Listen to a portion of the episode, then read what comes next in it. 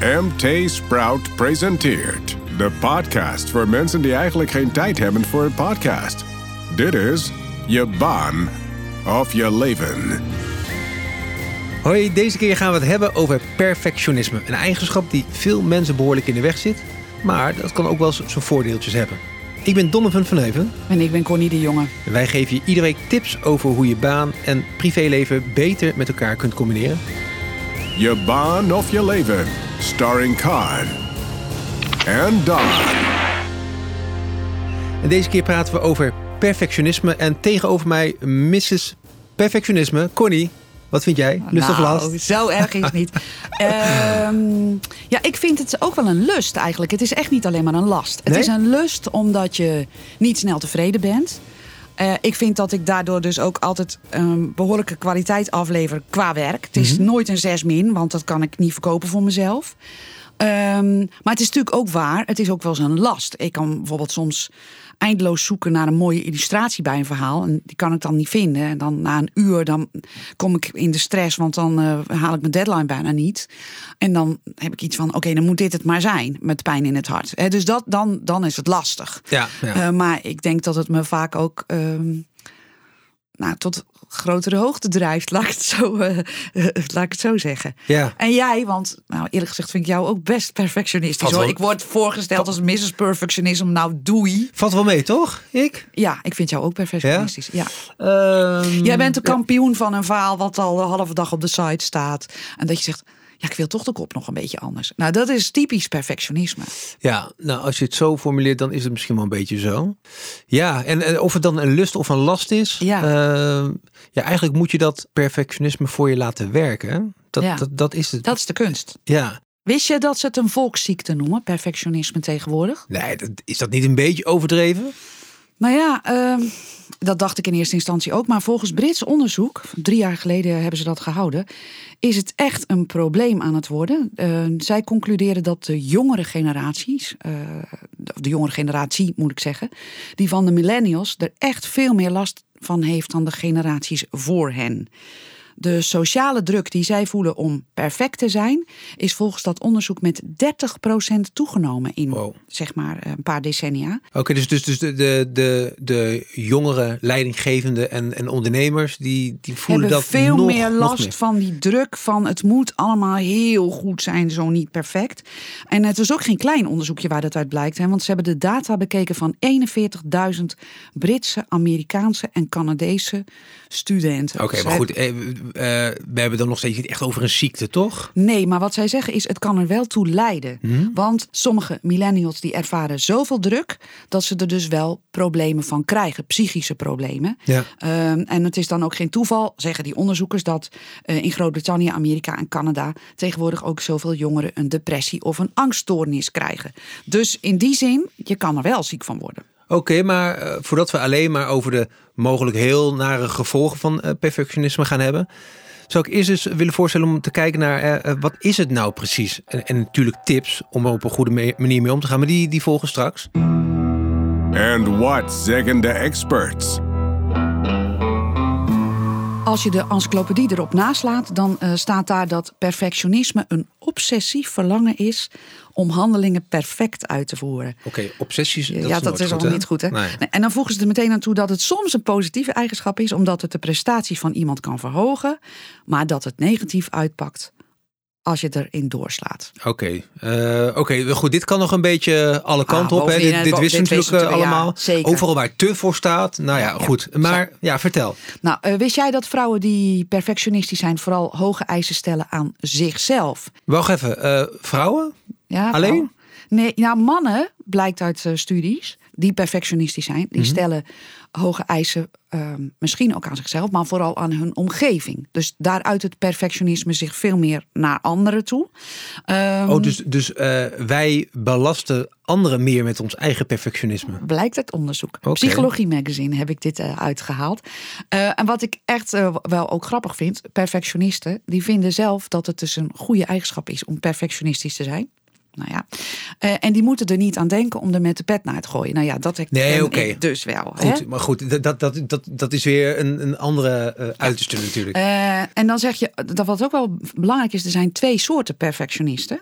De eerste groep die wil altijd excelleren, hè, dus Ja. iets heel goed doen, legt zichzelf bijna onmogelijke eisen ook op. En ook hebben ze hoge verwachtingen van anderen. Mhm. En de tweede groep die is eigenlijk veel meer de kant op van de faalangst. Die denken dat ze het respect van andere mensen verliezen als ze geen perfect werk afleveren. Oké, dat is dus dus- wat anders. Hè? Daar komt het veel meer van de angst van wat een ander van je vindt. Ja. Dat je denkt het moet perfect zijn. Dus je hebt twee soorten. Dus dan, dan eh, komen de dingen misschien juist helemaal niet van de grond, omdat. Klopt. Ja. Nou ja, en dat is wel grappig. Eh, er zijn- klinkt, wel allemaal negatief. Ja, maar je, je- ik vond wel heel aardig in datzelfde psychologie magazine hebben ze dus een aantal kenmerken van eh, perfectionisten en dan de eh, sterke en de goede kanten. Nou, Oh. de sterke kanten, dat Ja. vond ik wel mooi. Gedisciplineerd, grote gedrevenheid, ijverig, Mhm. zeer nauwkeurig, hoge moraal, ambitieus en groot verantwoordelijkheidsgevoel. Nou, hoor, dit is hoor je- allemaal. hoor je nu een omschrijving van jezelf, Connie? Mm, Ja. nou, sommige dingen herken ik. Laat ik het straks zeggen. Er zijn ook zwakke kanten. Ehm, hoog stressniveau. Moeite met delegeren. Ik kijk naar jou. Slecht tegen fouten wacht, kunnen. wacht, wacht, Vind je, heb, heb ik moeite met delegeren? Ja, absoluut. Ja? Eh, ja, vind ik wel. Eh, slecht tegen fouten kunnen. Nou, dat herkennen we allebei niet. Eh, dingen die anderen al gedaan hebben, nog een keertje overdoen. Focussen op wat minder goed lukt. Niet echt genieten van successen. Moeite hebben met besluiten dat iets af is en daardoor langzaam. Kritisch op zichzelf en anderen, mislukkingen moeilijk kunnen loslaten, oordelend, grote competitiedrang en faalangst. Nou ja, dit zijn dus dan de negen. Dus Ja. je hoort een heleboel positieve dingen, maar Mhm. ook dus, ja, als het de andere kant op gaat, dan werkt het dus negatief uit. Dus ik vond het wel heel mooi, dit lijstje, zo dat ik dacht, oké, ja, ik herken wel het een en ander. En ook wel de negatieve kanten, die zie ik ook wel. Ja, die, die negatieve kant. Hè? Maar eh, wat, wat, wat, wat, kunnen we, wat kunnen we ervan leren? Wat, wat, Nou, wat ik wel- is die, die toegevoegde waarde? Ja, wat ik wel heel eh, mooi vind, is dat eh, uit onderzoek blijkt dat het heel erg van de cultuur op je werk afhangt. Of het dus negatief uit gaat pakken, jouw perfectionisme, of niet. Ja, ja. Kijk, als je zit in een bedrijf waar je fouten mag maken, dan is er eigenlijk helemaal niet zoveel aan de hand. Dan is dat perfectionisme misschien best wel leuk meegenomen. Ehm, en je, als jij een baas hebt die doelen stelt die haalbaar zijn, Mhm. dus die de lat niet verschrikkelijk hoog legt, waardoor die perfectionisten die last hebben van faalangst helemaal het idee hebben van oh my god, en als ik het niet haal dan, hè, dan vindt hij me niet goed genoeg. Dus het he- hangt heel erg af van eh, je omgeving of jouw perfectionisme negatief of positief uitpakt. Dus eh, eh, even terugvertalen naar, naar die leidinggevende. Die heeft Ja. een perfectionist, eh, perfe- perfectionist in zijn team, zijn, zijn of haar team. Eh, legt die lat dan Wat lager. wat laag of hoog genoeg in ieder geval om... Ja, Hè, dus je mag natuurlijk wel iemand wel prikkelen. Eh, maar je moet hem zeker niet te hoog leggen, want dan eh, lopen die mensen eh, vast.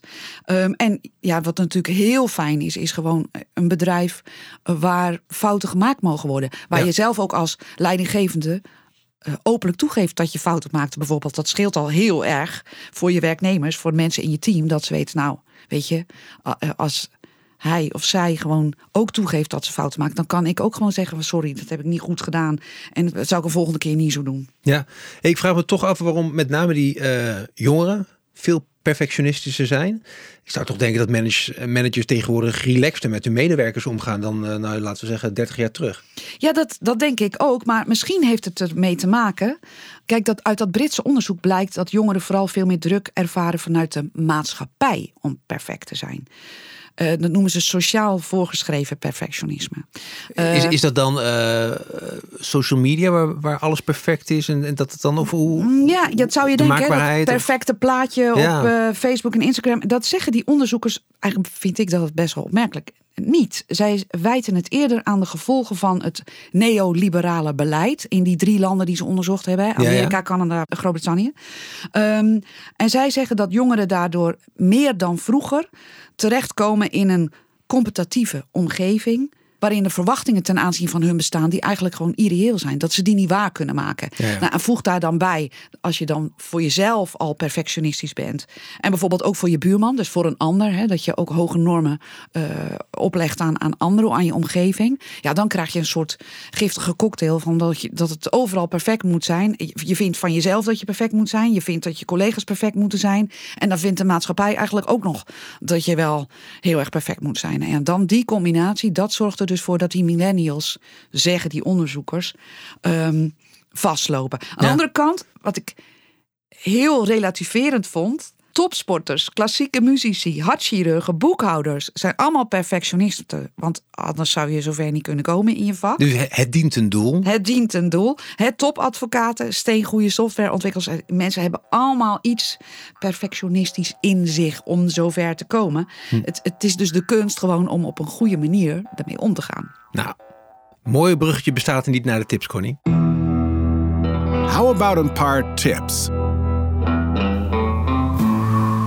Nou, laten we beginnen dan met de eerste tip. Ehm, bekijk jezelf af en toe eens door de ogen van een ander. Oh, dus van een afstandje. Ja, hoe doe je dat? Nou ja, je, je- kijk, als je bijvoorbeeld geregeld kritiek krijgt van anderen dat je te kritisch bent of eh, te perfectionistisch, ehm, dat je deadlines niet haalt, dan kun je natuurlijk ook eens bij jezelf te raden gaan van leg ik de lat voor mezelf niet te hoog. Ja. Dan zegt Jaap van der Stel, dat is een eh, gedragswetenschapper, die heeft een boek geschreven, dat heet Perfectionisme. Die zegt: ehm, schrijf je gevoelens en gedachten eens op. Denk na over waarom je je prettig voelt bij wat je doet en waarom je soms niet tevreden bent. Dus dat je jezelf, dat is ook een manier om naar jezelf te kijken van. Waar, leg ik de lat voor mezelf niet te hoog? Waarom ben ik zo perfectionistisch? ja, dus gewoon iets, iets meer... eh, Zelfreflectie. Gaan spiegelen, ja. Spiegelen. ja. Eh, wat hij ook zegt is: ehm, ga je doelen heel concreet en heel precies uitwerken. En breek ze dan vervolgens op in stapjes. Ja. Er hangt. Eh, het, het wordt dan makkelijker als je zegt: ik moet een project doen en het moet over drie maanden af zijn. En dat betekent dat ik over twee weken dit wil hebben, over vier weken wil ik dat hebben, over twee maanden wil ik daar staan. Dan hou je het ook overzichtelijk. Ja. En dan ehm, moet je op een gegeven moment ook gewoon door. Hè? Want dat concrete stapje, dat moet je halen. Dus dan moet je verder. Dan kan je niet blijven hangen in eh, dat perfectionistische van na twee weken ben je nog niet tevreden. Dus dat is een tip van hem. Hij zegt, er hangt echt geen zwaard van Damocles boven je hoofd als je ze niet haalt. Hè? Want het is je eigen zwaard van Damocles vaak. ja. Hij zegt ook, een coach kan helpen. Als je echt last hebt van je perfectionisme, zoek dan een coach. Hey, en eh, ik las ergens dat je moet streven naar een soort van 80 Ja, ja ze noemen dat Ja. de 80-20 regel.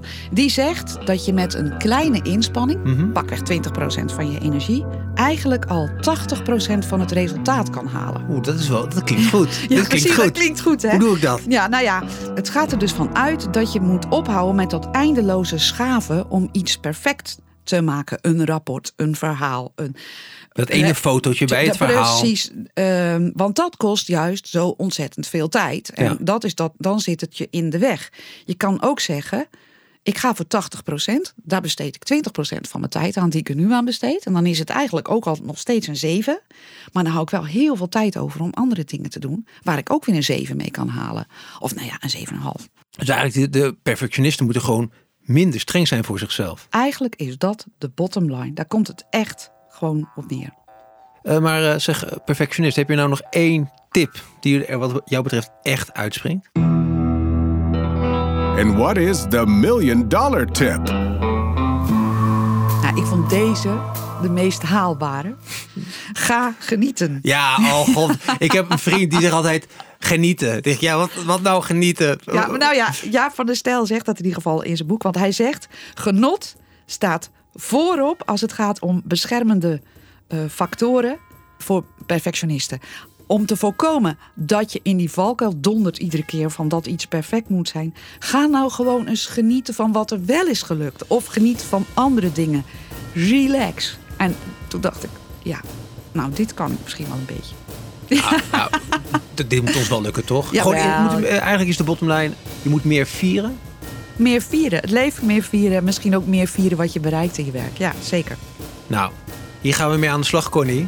Absoluut. Tot zover deze aflevering van Je Baan of Je Leven. Eh, tot de volgende keer. Tot de volgende keer. Hoi. Dit was Je Baan of Je Leven. Een podcast van MT Sprout in samenwerking met voicebooking.com. Voor meer afleveringen klik op volgen in je favoriete podcast app. Heb je zelf een onderwerp waar we over moeten praten? Mail dan naar je baan of je leven at mtsprout.nl. Till next time, you better listen.